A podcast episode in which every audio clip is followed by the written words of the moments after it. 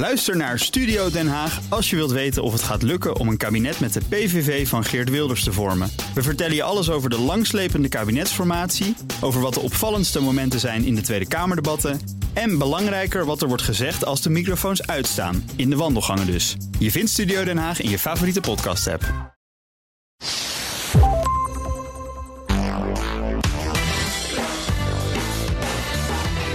Welkom bij de Ben Tigelaar podcast bij BNR, de podcast over persoonlijk leiderschap.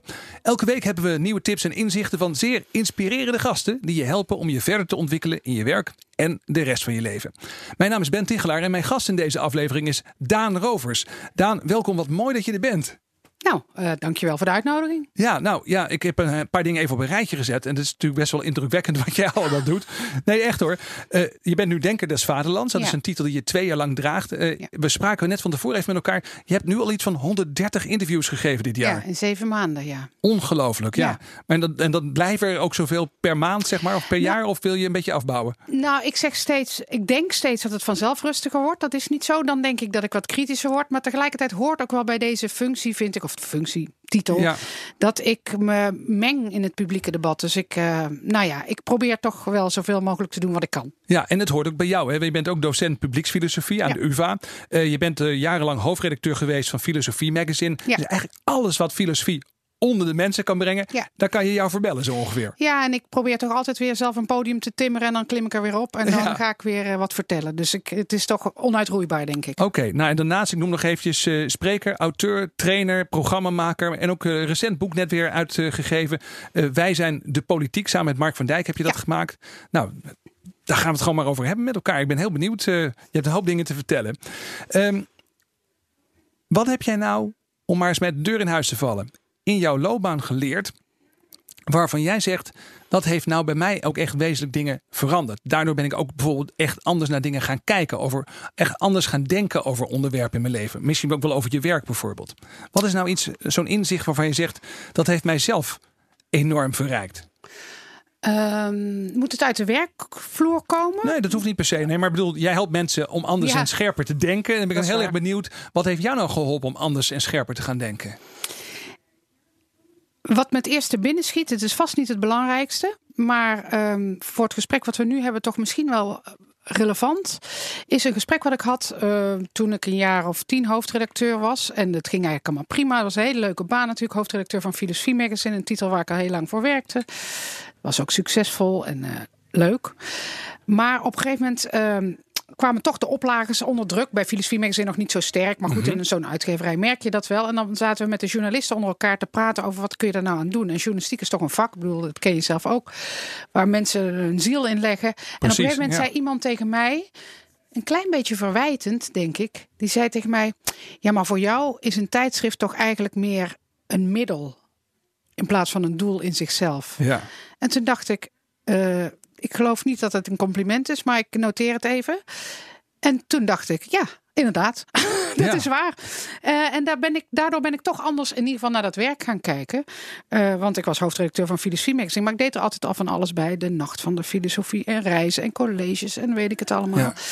En um, inderdaad, als dat tijdschrift eraan ging, dan zou ik dat op, op een bepaalde manier niet zo erg vinden, zolang ik maar doorkom -huh. met die ambitie, zeg maar. Dus dat hele uitgeefwerk, dat handwerk waar iedereen ja. zo belangrijk over deed, dat was voor maar mij toch een beetje secundair. Dus een romantiek hangt er een beetje omheen. Voor sommige mensen die, die houden ook echt van de geur van inkt op papier ja, en dat zo. Heb, heb, heb ik ook wel, maar ik dacht natuurlijk wel van ja, maar dan is, dan is mijn traject hier wel klaar in deze uitgeverij. Want ik had ook een andere titel kunnen gaan doen. Hè. Er waren meerdere ja. tijdschriften daar. En ook wel die mij aan het hart lagen. Maar ik dacht, nee, ik moet eigenlijk toch weer terug naar mijn uh, missie. Hè. De filosofie ja. beschikbaar maken voor zoveel mogelijk mensen. En uh, eigenlijk is dat ook wel wat binnen de filosofie drijft. En um, auteurs die me steeds stimuleren. Die spreken je steeds aan op um, het waarom. Hè. Nietzsche ja. zegt... Wie een waarom heeft om voor te leven, kan elk hoe verdragen. Ja. Beetje groots als het gaat om werk, maar dat herken vaak, ik vaak aangehaalde uitspraak, ook door ja. trainers. Ik kom hem vaak tegen, inderdaad. Ja. ja. maar het is wel een beetje waar. Het, een beetje, het is, ja, het maakt, ja. Nou, het helpt enorm om je positie te bepalen. Ja. En het grappige was dus dat die opmerking via een soort U-bocht bij mij terugkwam. En ik dacht, ja, dat is waar. Dat heeft diegene goed gezien. En daar moet ik eigenlijk consequenties aan verbinden. En daarom is de uitgeverij voor mij maar een tijdelijk station. En zeker geen eindstation. Ja, en jouw missie dus eh, de filosofie voor zoveel mogelijk mensen beschikbaar maken. Ja. En niet alleen maar voor mensen die daarvoor hebben doorgeleerd. Of die daar ei- eigenlijk soms ook een beetje ongevraagd misschien wel die filosofie naar binnen brengen bij Gevraagd mensen. en ongevraagd. Gevraagd en ongevraagd. Dat is wel mooi. Ja, ja. Nou ja, eigenlijk, ik beschouw. ik heet dan nu publieksfilosoof. Dat is een woord wat vroeger helemaal niet bestond. Hè. Dat hebben we ook maar zelf uitgevonden. Ja. En, en ik, ik omschrijf dat altijd als zoveel mogelijk mensen laten profiteren van het feit dat ik filosofie gestudeerd heb. ja. En het is, ik vind het leuk omdat dat En, en, en, medicijnen trouwens ook En nog. medicijnen Zag ik ook, ook ja. nog. Ja, Ja, maar Ja. daar doe ik heel weinig mee. Daar je hebben weinig mensen profijt van. Nou Misschien mijn eigen kinderen. Maar, Maar de, de, hel- de helpende neiging die zeg maar bij medicijnen hoort, komt hier toch ook wel een beetje dat terug. is grappig, ja. Dat is, een, dat is een leuke parallel. Ik denk dat dat klopt, ja. Ik denk dat ik toch een beetje zo'n zo'n weggelopen dokter ben... Die, die een beetje nog dat hulpverlenerssyndroom heeft. Mensen, mensen beter maken. Ja, ik denk, Mensen beter maken, maar dan Ja. op een iets andere manier. maar dan misschien. mentaal. Ja, nou mooi. Gezonde Zeg, mensen beter maken. gezonde mensen beter maken. Of beter blijven worden, ik laat iemand zeggen. Ja. Hey, ehm, we gaan dan eens even op dat onderwerp dan eens wat verder door. Ehm, dit gaat vaak over werk hè, bij BNR. eh, ondernemende mensen, mensen die met hun werk en met hun loopbaan bezig zijn. Ik las in een interview eh, in Trouw met jou. Eh, dat is een van die 130 interviews. dus je weet het waarschijnlijk zelf niet meer, maar ik breng het dan even in herinnering.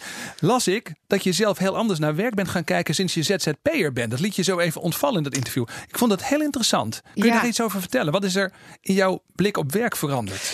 Ja, eh, dat kan ik wel vertellen. Ik vind het eigenlijk een beetje een pijnlijke opmerking van mezelf. Waarom? Ehm, omdat het, kijk, wat ik daarmee bedoelde te zeggen is, eh, ik heb dus heel lang gewoon in dienstverband gewerkt in de uitgeverij. Dat was hartstikke leuk, niks op tegen. Ik ben zelf weggegaan. Eh, dus ik ehm, eh, heb er zelf voor gekozen om te denken, ik word zelfstandiger. Ja. Dat is ook prima gegaan.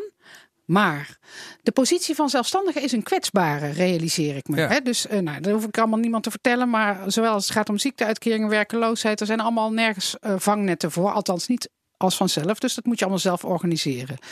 Nou ben ik tamelijk hoog opgeleid. Ik verdien ruim voldoende. Ik heb ook nog eens een partner. Dus dat is allemaal Mhm. op een bepaald inzicht geen, of op een bepaalde manier geen probleem. En toch merk ik aan, aan mezelf als ik verhalen in de krant lees over stakende machinisten, Ja. dat ik denk. Verrek, maar ze hebben geen idee dat voor heel veel mensen dat helemaal niet zo vanzelfsprekend is om een dertiende maand te krijgen. Of om, Ja. hè, om, om al die eh, vaste structuren en, en ehm, En dat er ook nog toeslagen te überhaupt, krijgen. Die ja, en, dat er ehm, überhaupt iemand boos wordt als je staakt. Als je als ZZP'er staakt, dan zeggen mensen, nou ja, en kijk, jammer eh, dan, dan gaan we naar de volgende. Ik zit natuurlijk heel erg aan de gunstige kant van de streep. Ja. Zeker vergeleken met machinisten. Maar ik denk dat de ZZP'er een beetje een, een kwetsbaar iemand is. Er zitten heel veel mensen bij die uitermate kwetsbaar zijn. En die krijgen ook nog eens grootste risico's. Mhm. Dus dat wordt wel een probleem, denk ik, met eh, ruim 2 miljoen ZZP'ers. Want je kunt dan, kijk, iedereen wordt aangeraden om te sparen. Maar dat ene spaarpotje, dat is voor de belasting, Ja. voor arbeidsongeschiktheid, voor je pensioen en voor werkeloosheidsterugval. Nou, dit moeten heel veel potjes zijn. Ja, Dat nee, daar heb je helemaal gelijk in. Ja. Ik zag ook dat je zei dat eh, ZZP'ers vaak denken dat ze vrij zijn, terwijl ze ondertussen ook zichzelf eigenlijk vaak uitbuiten. Dat- Eigenlijk Ja. roofbouw plegen op zichzelf. Ehm, ik kan me voorstellen dat ook in de positie waarin jij nu zit, hè, je, bent, je wordt veel gevraagd, dus zou je kunnen zeggen, nou dan heb je misschien financiële of qua aandacht of qua eh, marketing heb je niet echt een groot probleem misschien. Maar tegelijkertijd heb je dan weer een ander risico dat, dat die vrijheid, die vermeende vrijheid van die ZZP'er, dat die eigenlijk ook maar vaak een illusie is. Dat is zo, maar ik denk dat dat niet alleen maar voor de ZZP'er geldt. Ik denk dat eigenlijk voor, voor de meeste werknemers, ook hier op een bedrijfsvloer eh, in de journalistiek bijvoorbeeld, maar ook eh, in heel veel bedrijven worden, word je nu niet meer. Er is steeds minder dwang van buitenaf, laat ik het zo zeggen. Er is steeds minder dwang van een chef die zegt: je moet om negen uur binnen zijn, je mag niet voor vijf uur vertrekken en ik wil dat je eh, in die tijd zoveel stuks aflevert. Hè, dat is, je wordt steeds meer gevraagd naar je eigen ambities, je eigen doelstellingen, je Ja. eigen standards of performance. Zelfsturing, zelfsturing is Ja. populair. Ja. zelfsturende teams. Maar ehm, hoe minder dwang van buiten, hoe meer dwang van binnen. Ja. En eh, het leuke is, we hadden het net over staken. Dwang van buiten heeft al één belangrijk voordeel. Namelijk, daar kun je in principe nee zeggen tegen iemand anders. Dat is Ja. niet zo makkelijk. Maar eh, als je nee zegt, dan zeg je nee tegen een ander, tegen een structuur. Terwijl als je nee moet zeggen tegen jezelf, dat is veel moeilijker. Als je zelf je doel stelt, uh, ik wil dit of dat bereiken, of ik wil de beste hierin worden, of ik wil daarin ex excelleren.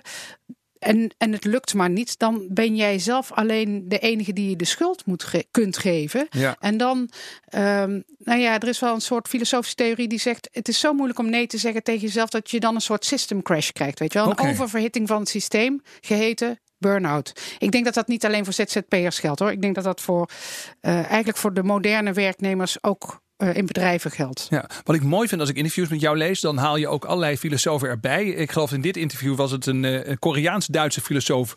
Als ik mijn naam even moet, goed moet zeggen. Oh ja, daar is hij. Heb hem meegenomen. Ja, Byung-Chul Han. Ja. ja. Ja. Wat leuk dat je hem bij je hebt. Ja, ja ik, uh, ik dacht, je gaat vast vragen naar iets wat me inspireert. En als het over de werkvloer gaat, is hij wel een hele belangrijke. Hij, hij is heel erg gebrand op um, het idee nu in onze samenleving dat wij steeds minder in systemen denken en steeds meer in individuele uh, competenties, in uitdagingen in plaats van taken, in high potentials in plaats mm -hmm. van knechten. He, dus in, in de manier dat we in onszelf geloven, he, in, in uitdagingen in plaats van opdrachten. Oh ja, ja. En dat klinkt heel mooi, dat vrije jargon dus dat je zelf mhm. je eigen opdrachten of zelf je eigen uitdagingen formuleert. Het belangrijkste nadeel is dat het heel moeilijk nee zeggen is. Ja, precies. Dan kom je weer bij dat punt dat je dan inderdaad tegen jezelf nee moet zeggen. En vaak ben je voor jezelf ook een slechte baas. Ja, dat denk ik ook. Je stelt in jezelf natuurlijk hoge eisen. Het is ook moeilijk om om te pauzeren bijvoorbeeld. Het is in, in, in het oude ploegensysteem, wat allemaal heel veel nadelen heeft. Maar met mhm. gezette tijden, dan kon je ook eens even ergens afstand van nemen. Dat is veel moeilijker geworden in die 24-7 uh, Er zijn erg veel freelancers, maar ook veel mensen zeg maar in ja, leuk kenniswerk, zal ik maar zeggen, die ik achter een bureau zie eten. Die inderdaad gewoon de tijd niet nemen om even tot rust te komen. Ja. Maar het is toch gek dat eigenlijk in onze samenleving, denk ik, hè, hebben heel veel mensen te veel werk en er zijn ook wel best veel mensen met te weinig werk. Ja. Maar hoeveel mensen ken jij nou die zeggen: ik heb precies genoeg werk. Ja, nee, dat evenwicht dat is, is buitengewoon lastig. Ja. Dus of je komt erin om, of je denkt, nou, het loopt niet zo lekker. Jij wilt als denker des vaderlands zorgen dat we samen gaan nadenken over publieke zaken, zoals je dat eigenlijk noemt. En dan wil je niet dat, dat je ga je niet als denker des vaderlands, wat sommige mensen misschien zouden verwachten, um, mensen vertellen wat ze moeten denken, maar jij wil mensen uitdagen om, om samen hierover te denken. Wordt er genoeg over dit soort dingen nagedacht als het gaat over, over werk? Wordt er in bedrijven waar je komt genoeg nagedacht over dit soort vragen? Ja, maar niet op de goede manier, denk ik. Dus ik werk nu de laatste tijd toevallig veel met uh, coaches. Of daar ben ik een paar keer mee uh, aan de gang gegaan. En coaches zijn een, een prachtig uitvloeisel van deze tijd. Die ook uh-huh. allemaal individuele gevallen behandelen. Van, die, die last hebben van structurele problemen vaak. Ja. Hè? Dus stel er is een, een, een, afdeling en daar zijn vier mensen overspannen. Dan gaan, kijk je niet naar de afdeling. Dan krijgen die vier mensen allemaal een coach. Allemaal een coach ja. Terwijl ja. dat ook vaak gewoon kanariepietjes in de kolenmijn zijn. Ja, oh, dat is een goede manier en, om er naar te kijken. Ja, ja en, en, en dat je eigenlijk zou moeten afvragen van, als coach ook, hè? Als, als voor je beroepsethiek van, ja, moet ik deze individuele kanarie wel reanimeren en weer ja. terugzetten in die kolenmijn? Of zouden we eens een wat structurelere manier van kijken moeten proberen uh, voor elkaar te krijgen. Ja, terwijl die, die, coach wordt natuurlijk heel vaak uit de buurt gehouden van die structurele ja. problemen. Hè? Die, ja. die, krijgt dan op zijn spreekuur krijgt hij die, die, die medewerker en die andere medewerker gaan naar een andere coach. Ik begrijp wat je zegt. En ik Wie houdt dat in de gaten? Wie kijkt nou zeg maar naar de vraag of het dan een structureel probleem betreft? Nou, dus niemand eigenlijk, of te weinig. En dat, dat baart mij zorgen. En ik heb niks tegen die individuele aanpak. Maar ik vind dus dat we het collectieve probleem mm -hmm. op de werkvloer uh, verwaarlozen. En als ik net zeg van. Um, ik ben sinds ik ZZP'er ben anders gaan denken over werk, dan het zorgelijke daaraan is dat ik zelf ook individualistischer ga kijken. Ja. Want ik ben helemaal mijn eigen bedrijf. Ik heb met niemand iets te maken. Niemand zorgt ook voor mij. Dus uh, dat individualisme um, vreet ook aan mij. Ja. En ja. dan kun je denken, als je naar een andere bedrijfstak kijkt, ja, um, maar zij hebben tenminste nog een collectief. dat, dus ik verwijt ze dat niet. Ik, ik vind het erg dat ik dat um, opvallend vind, begin te vinden. Ja, ja, ik snap wat je bedoelt. Ja. Waar, waar, zou het dan over moeten gaan? Wat, wat, wat, zou dan, wat zouden dan de vragen moeten zijn? Hè? Je wilt niet per se in antwoorden grosseren, maar wat zouden dan de vragen moeten zijn die we onszelf stellen als we dus in een werkomgeving zitten en we merken dat er bijvoorbeeld veel burn-out is of dat veel mensen tegen grenzen aanlopen wat betreft werkdruk? Um, wat ik een interessante vraag zou vinden als je uh, een collegiale werksfeer hebt, is hoe je ambitie definieert. Mhm. Is dat iets individueels? Dus iets competitiefs is ambitie dat ik een hogere omzet heb dan mijn buurman of meer abonnees dan het andere, de andere titel. Of is ambitie iets gezamenlijks? Oké, ja. Iets wat wij als team bereiken of iets wat ik met, met een ander bedrijf buiten mijzelf bereik. Want dat laatste, dus een gezamenlijke ambitie, dat zou volgens mij heel heilzaam of ja, bindend kunnen werken op een bedrijfsvloer. Ja. En heel vaak is er op de werkvloer een soort sportief competitie-element ehm, eh, ingeslepen, ingeslopen, wat ook verlammend kan werken. Hè. Dus wie, wie haalt de meeste omzet binnen, wie verkoopt de meeste advertenties, wie Ja, dat kan op zichzelf wel een bepaalde drive geven. Maar tegelijkertijd wil je ook een soort gemeenschap hebben waar je gewoon onderdeel van bent. Met mensen die je kunt vertrouwen. Ja. En, en dat wordt natuurlijk weer uitgehold door het feit dat de collega ook meteen een concurrent van je is. Ja, als, die, als dat de belangrijkste definitie van collega is, dan voel je denk ik erg eenzaam op de werkvloer. Dat lijkt Ja. me onprettig. Dan kun je net zo goed ook ZZP'er worden eigenlijk. Dus dat is echt iets, zeg maar, als we dan echt gaan nadenken over eh, onze organisatie. We willen even wat dieper nadenken dan de vraag: wat gaan we komend jaar weer aan omzet proberen te halen? Dan zijn dit vragen om echt aan jezelf te stellen. Wat is nou de definitie van ambitie in deze? Ja, en zijn er gezamenlijke ambities? En dan bedoel ik eigenlijk niet ambities van een team die gezamenlijk een omzet hebben met een chef verantwoordelijk voor die omzet. Maar eigenlijk een beetje dwars door het bedrijf. Hè? Dus je kunt je ook voorstellen dat er, dat er groepjes mensen dwars door het bedrijf een gezamenlijke ambitie hebben. Dat hoeft ook niet iets Ja. kwantitatiefs te zijn. Dat kan ook iets kwalitatiefs zijn. Of met iemand buiten het bedrijf. Dus probeer ambitie op te tuigen in iets gezamenlijks. Ja, en waar mensen zich zeg maar, in groepen zich aan kunnen verbinden. Waardoor je ook verbondenheid voelt met elkaar. Ja. Dat is een heel mooie manier van kijken. Nog andere dingen, nog andere adviezen. Als ik nou toch als manager zit te luisteren en ik denk van... hé, hey, dit is eigenlijk al een heel goed idee. Wat, wat voor vragen zouden we ons nog meer Eh, moeten stellen? Oh, ik schiet me ineens een advies te binnen. Mag dat ook? Ja, dat mag ook. Ja, het ja. komt helemaal. eh, nou, eh, begin een bedrijfsband. Vind ik ook een goeie. Eh, nou, Heel erg leuk. Ja. Welke, ook nog heb je nog voorkeur voor bepaalde stijlen? Ik heb gelezen dat je vroeger echt eh, helemaal in de punk eh, scene zat. Maar ja, eh, ook. Ja. ja. En ik hou ook van, eh van Smartlab. Ik, hou, ben, ik heb een heel brede smaak. nee, je speelt accordeon, heb ik Ja. zelfs gelezen. Dan gaan we natuurlijk wel even een zijstraat in als we daarover Het is gaan een hebben. enorme zijstraat. Maar Ja, die maar hoort- ik weet niet waarom die me nu binnen schiet. Maar omdat het belangrijk is dat mensen dingen doen. Niet alleen doelgericht. Hè? Dus niet alleen Ja. om een bepaalde omzet te bereiken. Of om de baas te plezieren. Of omdat het af moet. Maar omwille van zichzelf. Omwille van het plezier. Omwille van het speelplezier. In vroeger had je in bedrijven, ik heb nog een blauwe maandag gewerkt bij ABN AMRO. Dan heb je dus echt allerlei verenigingen in zo'n organisatie. Ja. Dan heb je dus gewoon, eh, er was bijvoorbeeld een modelsportbaanvereniging binnen ABN Oh, ja. AMRO. Ja? dat echt, nou ja, dat is toch hartstikke leuk. bezuinigd natuurlijk. maar- Ja, nou, ik weet niet of dat. Er is nog een zeilvereniging. Ze hebben nog een paar boten. Weet ik dat, dat bestaat allemaal nog wel. Dat zijn een beetje die ouderwetse structuren. Ja. Eh, Mijn, vraag, mijn vader was postbode. En dan kon je ook goedkoop op vakantie. Omdat zeg maar de PTT, zoals het toen nog he- heette, had zeg maar op allerlei plekken eh, vakantiehuisjes voor de medewerkers. Daar, daar zijn we natuurlijk allemaal Ja. mee gestopt met dat soort dingen. Maar het idee van een bedrijf als een community, als een gemeenschap van mensen Ja. die samen proberen dit leven een beetje aangenaam door te brengen, plezier verdwijnt dan wel. Ja, precies. En dat plezier onderling. Dus ik vind zo'n bedrijfsband dus een soort moderne variant weer op, een- op de modelsportbaanvereniging, Precies, zeg maar. Ja. ja. Maar je mag je ook andere invulling aan geven hoor. Ja. Je mag ook een andere hobbyclub beginnen. Maar eh, Maar dat is dus eigenlijk wel heel erg leuk. Een hobbyclub gewoon eigenlijk eh, Ja. met collega's. ja, Ja. Nou, kunnen ZZP'ers ook onderling doen. Hè? dat zeker. Nou, dat is natuurlijk ook wel iets. Hè. Des te meer ZZP'ers er zijn, des te eh, losser lijken die verbanden soms te worden. Ik vraag me soms ook wel af hoe het dan kan dat bedrijven niet erover nadenken om juist dit soort dingen te doen. Die meer een soort ook symbolische waarde hebben. Dat je echt een gemeenschap samen bent. Ook met ZZP'ers. Omdat je natuurlijk Ja. wel graag iets van loyaliteit over en weer wilt hebben. Ja, en, en die zelfstandigen hebben ook iets van structuur nodig om zich in te voegen. Die moeten de hele dag al alles zelf bedenken. Dus Ja. die, die, heel veel vinden het heel prettig om dan ook in een, in een structuur opgenomen te worden. Ja. Zeg, ehm, nog een paar andere dingen die ik even aan je, wilt vragen, eh, aan je wil vragen. Ehm, ik kwam onder meer tegen, wat ik ook zo interessant vond, dat je zo'n hekel hebt aan cynisme. En dat is zo grappig, want bij filosofen is misschien soms een beetje het voordeel, vooroordeel. Die kijken van afstandje naar de wereld en denken, ach, iedereen maakt zich zo druk. Maar wij, wij verheven geesten, wij weten hoe het echt zit.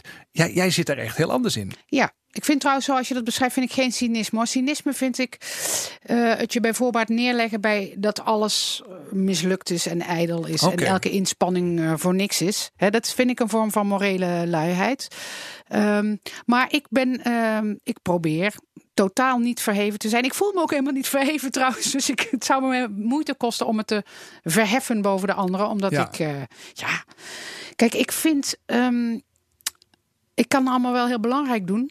En dat doe ik misschien ook wel eens. Maar ehm, ik heb filosofie gestudeerd. En die filosofie gaat niet om mij. Uh, alles wat ik te vertellen heb gaat niet om mij. Um, ik wil eigenlijk, ik heb er eigenlijk een hele maatschappelijke ambitie. Ik vind het belangrijk dat filosofie een rol speelt in het publieke debat. Dat filosofie relevant wordt voor de politiek. Niet omdat ik hele interessante politieke opvattingen heb. Helemaal niet. Niet interessanter dan jij. Maar ik wil dat we die hardop tegen elkaar zeggen. En dat we daar de beste ideeën uit destilleren. Dat is veel belangrijker voor mij. Dat is heel leuk. Dus je bent niet erop uit om zeg maar de, uh, uh, de theorie van Daan Rovers zeg maar, de wereld in te helpen. Maar om mensen eigenlijk te onderwijzen in dingen waar jij zelf heel veel van hebt geleerd. Ja, eigenlijk wel ja. ja. Wat is nou een, eh, een mythe, zeg maar? Je noemt eigenlijk al een, een, paar mythes over filosofen. Maar wat zijn echt nou hardnekkige mythes, uh, ideeën die mensen hebben over filosofen... waarvan je zegt, nou ja, dat is, dat is zo'n misvatting. Daar moeten we toch echt van af. Als ik nou dan toch de microfoon heb. Hmm. Dat filosofie moeilijker is dan het leven zelf. Dat lijkt mij een mythe. Dit ontleen ik trouwens aan, uh, dat zei René Gude altijd, een goede vriend van mij, die inmiddels overleden is. Maar daar, daar hadden we het vaak over. Dus filosofie heeft het imago van heel moeilijk te zijn. Nou, er zijn heel veel boeken die zijn ook niet makkelijk. Dat zal ik heus niet zeggen dat het mhm. allemaal heel eenvoudig is.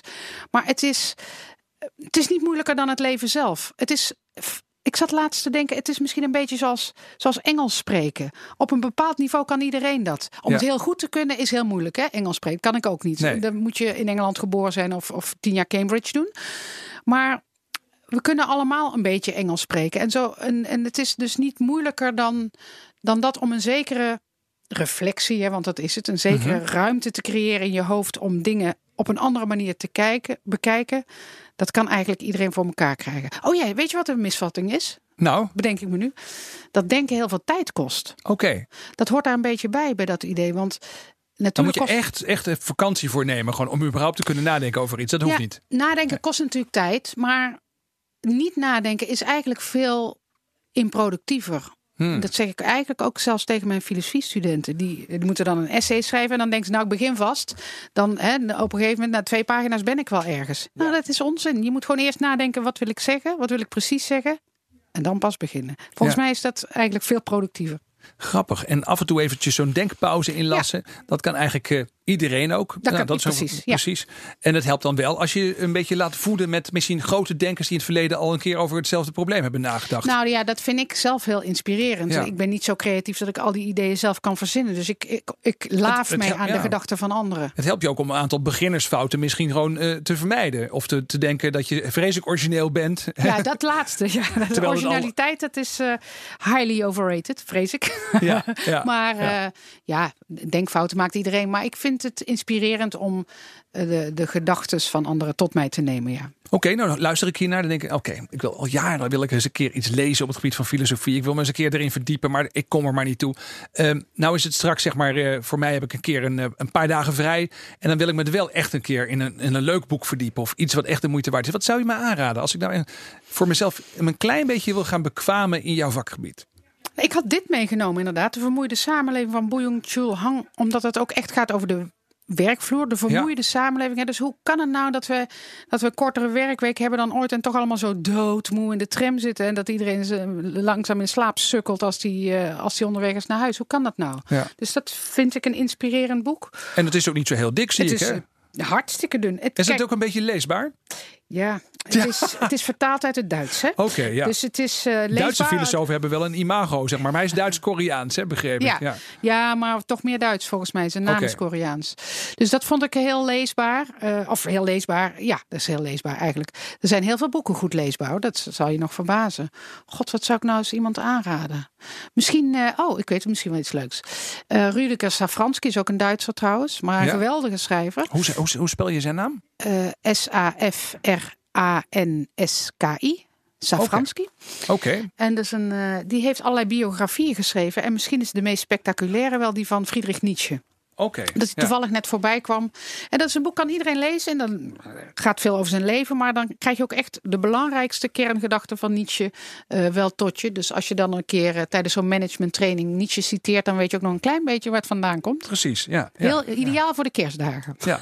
En, dan, en dan niet je wel in het Duits citeren, niet in het Engels, hè, wat sommige mensen. hele Nee, zeker doen. niet in het Engels. Nederlands Nee. mag ook, maar. eh, Nederlands mag ook, precies. Nee, maar het kunt Engels is gek. Ja, dat is een beetje raar. Hè? Dat vind ik ook altijd. Ja, het is een beetje sideline, maar dat vind ik altijd zo raar. Dat dan beroemde uitspraken van eh, oude, eh, zeg maar van dode Duitsers, dat die zeg maar dan in het Engels opeens worden aangehaald bij allerlei van die managementbijeenkomsten. Ja, maar het is wel, eh, mijn studenten die doen veel Engelstalige vakken, ook in Amsterdam. Ja. Dus filosofiestudenten halen Nietzsche ook aan in het Engels. Oké, ja. Dus alleen wij ouderwetsen. ja, precies. Die mag dat is gerne ook- maken. Ja, ook schon, Duits. Oké. Hey, eh, ik heb hier een, een verrassingsvraag ook iedere keer bij, Oh. bij iedere aflevering. Je moet een nummer kiezen van 1 tot en met 15 en dan pak ik een envelop waar een vraag in zit waarvan ik zelf ook niet weet wat het wordt. Eh, twee? Twee. Oké, ik ga eens even naar de enveloppen. En nummer twee. Eens even kijken. Dit is wel een mooie vraag. Is er iets waar je echt in gelooft, maar dat je niet kunt bewijzen? Is er iets waar Ja, je echt in gelooft, maar dat je niet kunt? Ja, heel veel. Ja, vertel eens. Nou, ik begin met de liefde. De liefde, ja. Ja. ja. of, eh, ik, kan het wel ik kan het wel tonen. Ik vind het Eh, mooi dat je dat als eerste noemt trouwens. Ja. ja. Dat, eh, daar geloof ik heel erg. Ja, ik weet niet of ik dat goed beschrijf dan dat je daarin gelooft. Maar dat heeft een belangrijke betekenis voor mij. ja. Eh, en ik kan het ook wel ehm, zien in de wereld, maar ik kan het niet bewijzen op de manier eh, zoals je een natuurwetenschappelijk bewijs kunt eh, leveren ergens voor. Niet dat ik van iemand hou en ook niet dat een ander van mij houdt. ja. Ja, er zijn veel dingen waar we eigenlijk wel in geloven en waar we ook naar handelen, zou je kunnen zeggen, die we moeilijk kunnen verklaren. Ja, Ja. dat denk ik wel, ja. Dus en vind ik ook niet per se problematisch hoor. Nee. Dus geloof ik. Nee. De liefde. Ik vind het prachtig. Daar houden we het gewoon bij. Ja. Zeg, hey, en dan als allerlaatste jouw mediatip. Eigenlijk heb je hem al genoemd. Is het boek De Vermoeide Samenleving? Is dat jouw mediatip? Of zijn er nog andere dingen waar je zegt... nou, eh, kijk dat eens of lees dat eens. Of die film, die moet je... Of, of eh, dat, dat muziekalbum moet je eens een keer luisteren. Want dat helpt je ook om na te denken over je leven. Ik dacht eigenlijk aan dit boek. Oh ja, nou, god. Ik ben laatst naar de eh, musical van David Bowie geweest. Vond ik toch wel de moeite. Heeft met filosofie Ja. niks te maken, heeft met werk niks te maken. Lazarus. Wel met de bedrijfsband misschien. Ja, Maar het is inspirerend, vind ik, hoe eh, muziek die toch alweer wat ouder is, op een, op een nieuwe manier gearrangeerd is. Mooi vormgegeven. Ja. Dus dat is, eh, ja, is dat een mediatip? Nee, is een uitgaanstip. ja, nou, ik vind, ja maar goed. je ja, een, musical, musical is ook een medium, zou je toch kunnen zeggen? Ja. Dus dat is wel heel mooi eigenlijk. Ja, want ik vind het altijd heel interessant om van mensen te horen die bijvoorbeeld misschien die je meer met boeken associeert. Vind ik het leuk omdat ze, dat ze soms al met een film of met iets heel anders komen. Ik vind het wel een hele mooie. Wat deed het met je dan? Wat, wat levert het je op? Even heel plat gezegd als je daar naartoe gaat. Ehm, eh, plezier. Gewoon plezier. Plezier, ja, Dat is eigenlijk het eerste waar ik aan denk. De neiging om eh, mee te willen zingen, mu- muziek te maken. Dat is allemaal niet de bedoeling natuurlijk in de zaal. Maar Ja. eh, te kijken hoe ze dat doen. eh, een beetje jaloers te zijn op wat ze kunnen. Ja, Ja. ja, dus wel een beetje pech als Daan Rovers voor je zit terwijl je naar de musical gaat, begrijp ik wel. Want die, gaat- die wil, die ik wil heb meezingen. reis gehouden hoor. Oh, je hebt je rustig Nee, ja. Ik heb niks gedaan. Ja, ik vond het ontzettend leuk dat je hier wilde zijn. Eh, ja, we hebben eigenlijk niet zo heel veel tijd. En de tijd is alweer om. Dus ontzettend bedankt dat je mijn gast wilde zijn, Daan Rovers. Graag gedaan. Dit was de Ben Tichelaar podcast bij BNR met als gast Daan Rovers. Vond je dit nou interessant? Check dan ook de andere podcasts op de BNR app of op je favoriete podcast